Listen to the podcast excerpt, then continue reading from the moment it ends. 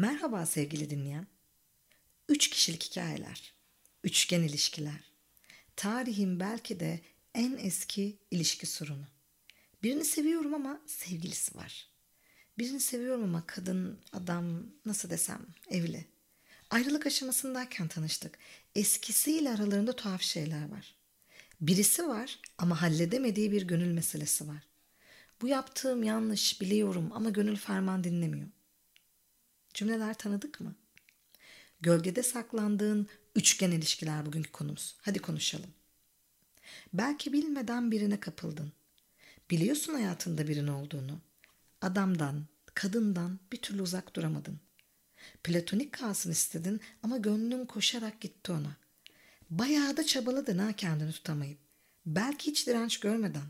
Belki de büyük dirençlerin sonunda karşıdakini de ikna ettin.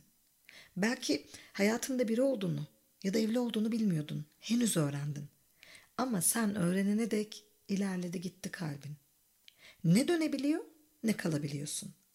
Sana yalan söylenmesine katlanamasan da onsuzluğa dayanma konusunda çektiğin acı daha büyük. Yürüyorsun hasretin acının üstüne. Sığmıyorsun hayata. Dar geliyor Sezen şarkısındaki gibi. Doğru olmadığını düşünüyor. Yine de seni ikna etmeye çalıştığı yollardan yürürken takılmamaya gayret ettiğin o çakıl taşları ayağını acıtıyor. Belki karşındaki bir süreçteydi zaten. Bir ayrılık aşamasında girdin hayatına.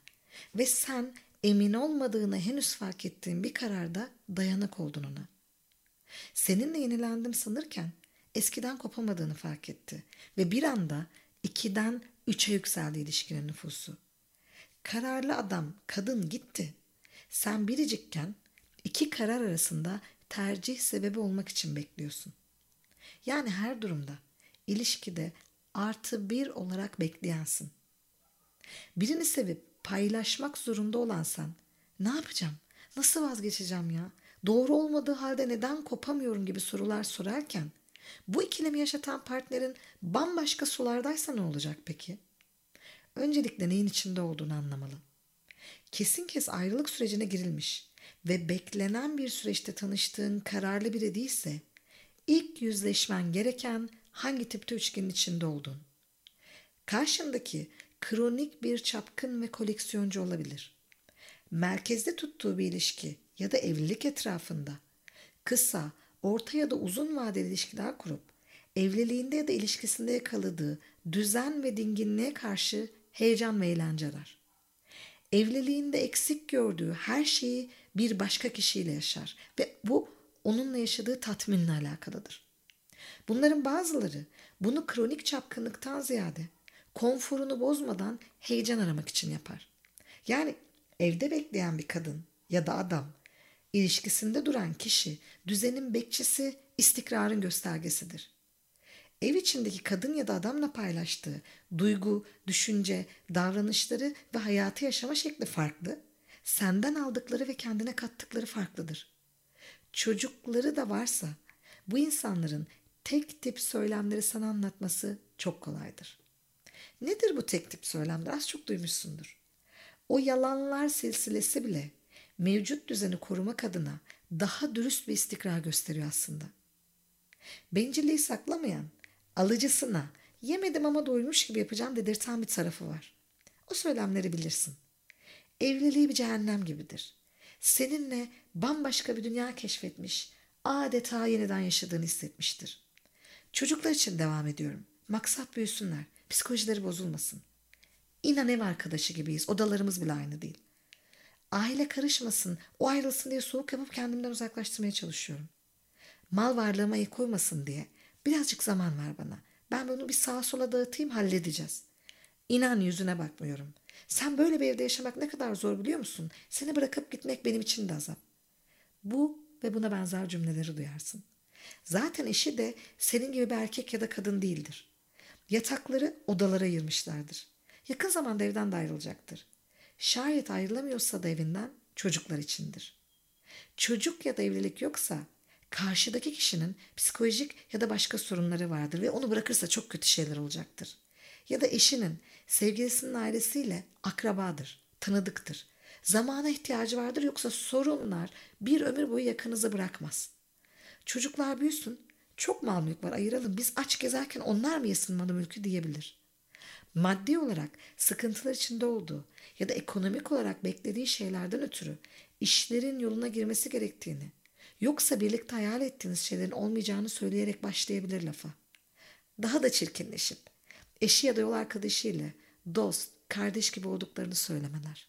Daha neler? Nişanlısı, sevgilisi, eşi olsa da bu insan adeta bekardır. Yüzüğü yoktur. Sevgilisi olduğuna dair bir emaresi, bağlılık ya da rutinlere ilişkin bir şey yoktur.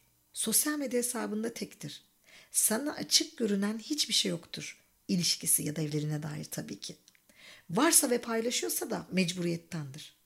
Arada sırada aranızdaki durumu anlamaması ve ayrılana dek zaman kazanmak için bir şey yapar. Bir ziyarete ya da tatile katılır hayatındakiyle.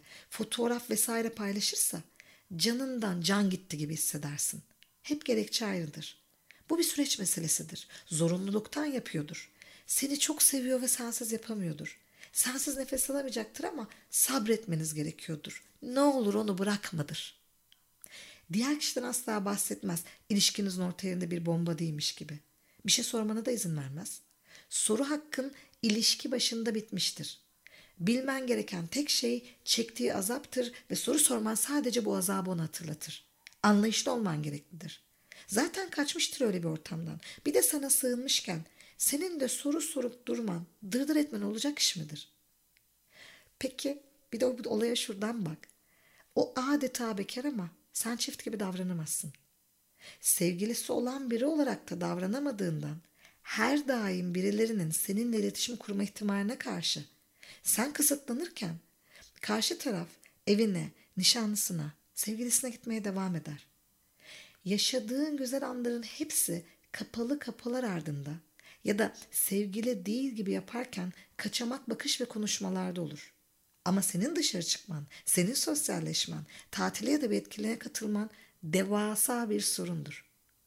Sen saklanıp gölgelerde ve yalan bir dünyada yaşarken insanlar buna anlam veremez. Yardım da isteyemezsin. Belki anlatamazsın bile. Diyelim ki anlattın seni sevenlere.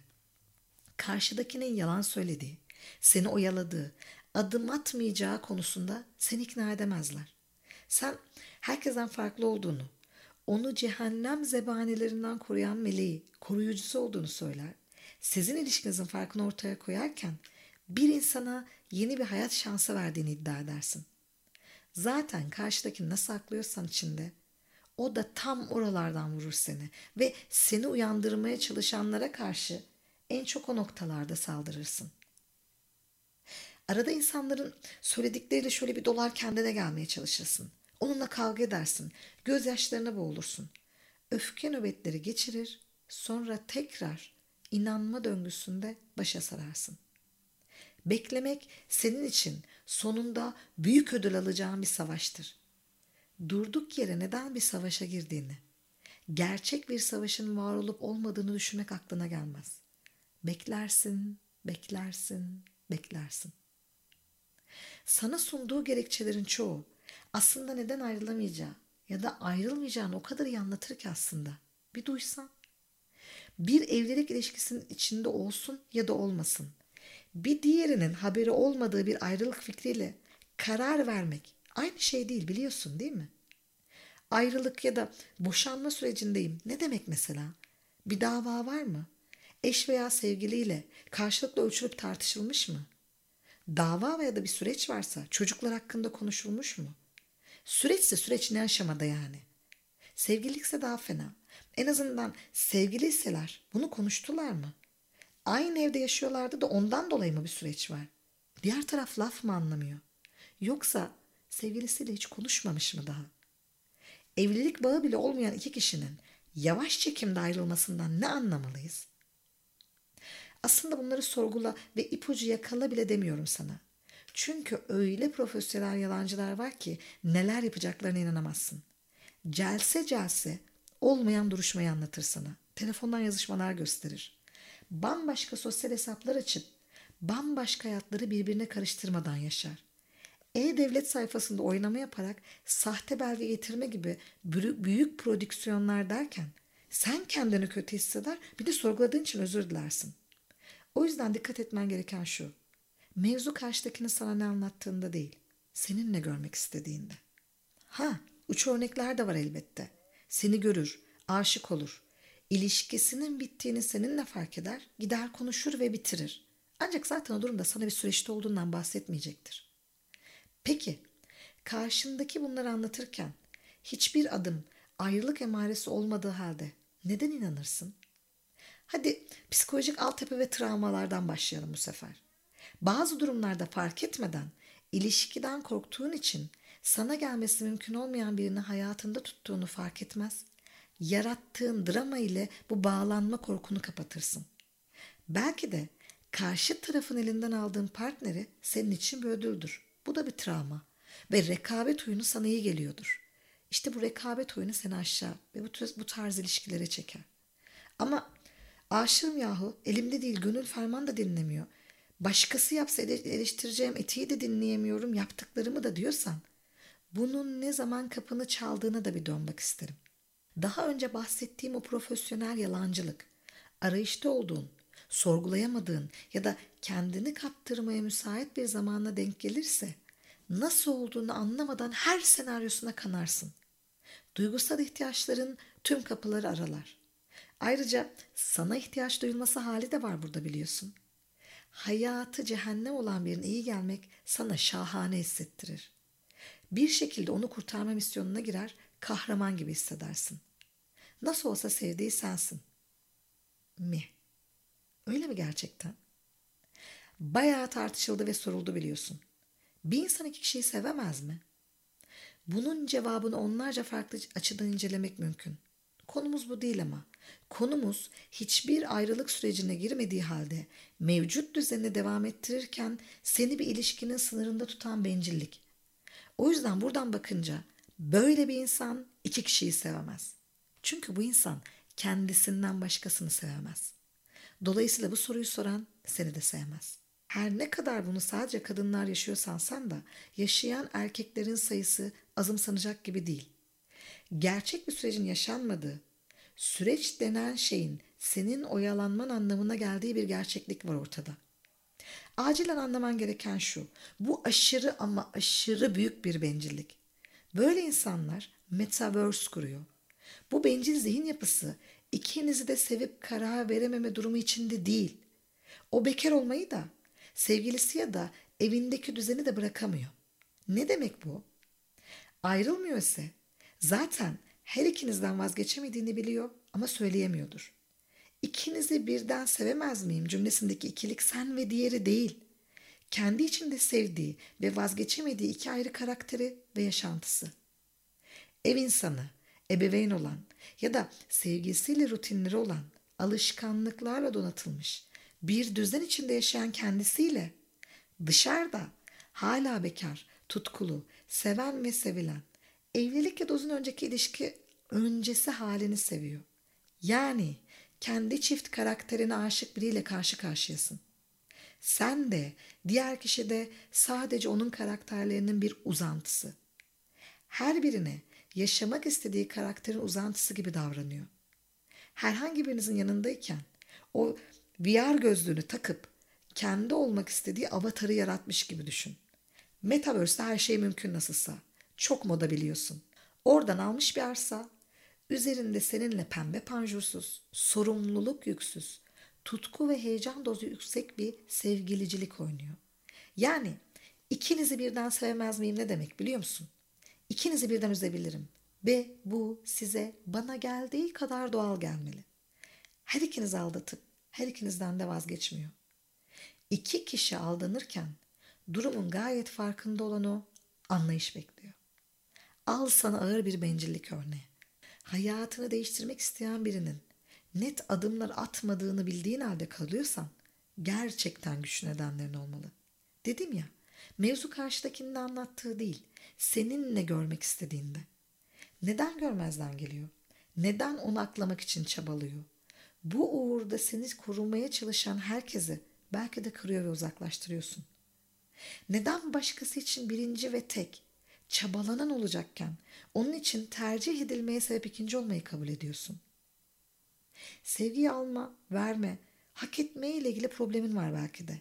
Belki kimse beni sevemez, hak etmem diye düşünüyorsun. Belki de geçmişinde böyle öyküler var ve senin bu yaşadıkların sana çok tuhaf gelmiyor. Belki hayatın boyunca ilk kez sahiplenildin ve kaçamıyorsun tutulduğun durumdan. Belki de asla ilişkiye dönüşmeyecek olması sana konforlu geliyor. Nedeni her ne olursa olsun sonunda üzülmediğin ve kırılmadığın bir sonuca ulaşmaması imkansız. Karşında seni sahiplendiğine inandığın kişi aslında kendi hayatını değiştirme cesaretini göstermediği gibi bunu sana söyleyemeyecek kadar korkak. Karşında bir de senden haberi olmayan başka bir muhatap var. İlişkinin diğer tarafı. Üçgenin diğer kısmı. Onun yaşayacağı acılar, üzerine yıkılacak kırgınlıklar var. Belki gözünde şeytanlaşmasına sebep hikayeler var sana karşı tarafla ilgili anlatılan. Ama bu karşı tarafın aldatıldığı ve bunu öğrendiğinde yaşayacağı yıkımı değiştirmez. Empati kurduğun anda üzerine yıkılan vicdan azabını bastırmakla kendini ve onu aklamaya çalışmak arasındaki savrulmaların ne olacak peki? Meseleni hallet gel. Ben birinin üzülüp yıkılmasına sebep olamam diyemediğin için birinin her şeyden habersiz kötü giden ilişkisini düzeltme ve ilişkiyi devam etme umudu varsa ya da daha kötüsü ya sana yalan söylüyor ve evde hiçbir sorun yok gibi davranıyorsa yani karşı taraf dünyadan bir haber ilişkisi şahane gidiyor gibi davranıyorsa onun kendi içinde yaşadıklarının sorumluluğunu alman yetmiyor. Bir de bir başkasının acısının müsebbibi olma ihtimaliyle yaşarsın. Bunları yaşarken sevdiğini karşı tarafa gönderir. Onunla yaşayacağın pek çok anı o ayrılamadığı kişiyle paylaşman yüzünden sürekli bastırmak zorunda kaldığın bir acıyla yaşarsın. Bol bol kırgınlık ve kızgınlık birikir içinde. Sonunda da şahane bir manzara beklemez zaten yolculuğun. Diyelim ki zorlu dağları aştınız. Bunca birikmiş kavga, kırgınlık, kızgınlık sonucunda ilişkinizin yıpranması yetmez gibi bir başkasıyla birlikteyken sana gelenin senleyken başkasına gitmeyeceğine nasıl güveneceğin sorunu çıkar ortaya. Çünkü bu tür ilişkilerde en zoru güven inşası. Yani engelleri aştıktan sonra güvenin tekinsizliği bekler seni kapıda. Tam bir kördüğün. Değişim cesarettir. Seçenekler ne kadar güzel olursa olsun birini tercih etmek diğerinden vazgeçmeyi gerektirir. İkisini elinde tutup ikisini de tarumar etmeyi değil. Kaldı ki aşk söz konusu olduğunda herkes biricik ve tek olmak ister. Karşısında beni mi onu mu seçecek diye beklediğin biri için özel olduğunu nasıl hissedebilirsin ki? Başkası için bıkmadan ve hayranlıkla izleyeceği en güzel manzara olacakken olgunlaşmamış bir ruhun resminin köşesine koyacağı doldurma bir figür değilsin sen. Kurtarma düşüncesi iyi geliyor olabilir sana. Asıl kurtarılması gereken, iki insanı kurtarılacak hale getiren bu zatı hayatına alma kararını veren sensin. Belki şarkıdaki gibi dallar bahar kime gideyim ben diyorsun. Vazgeçmek zor geliyor. Ama şarkıyı dinlersen diller yalan bu nasıl dünya diyor. Diller de dünya da yalansa sen kendine gerçeği söyle.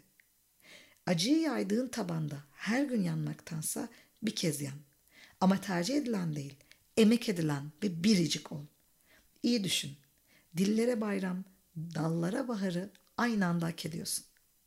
O zaman bir sonraki podcast'e kadar sevgiyle kal, güvende kal, bizi takipte kal. Hoşça kal sevgili dinleyen.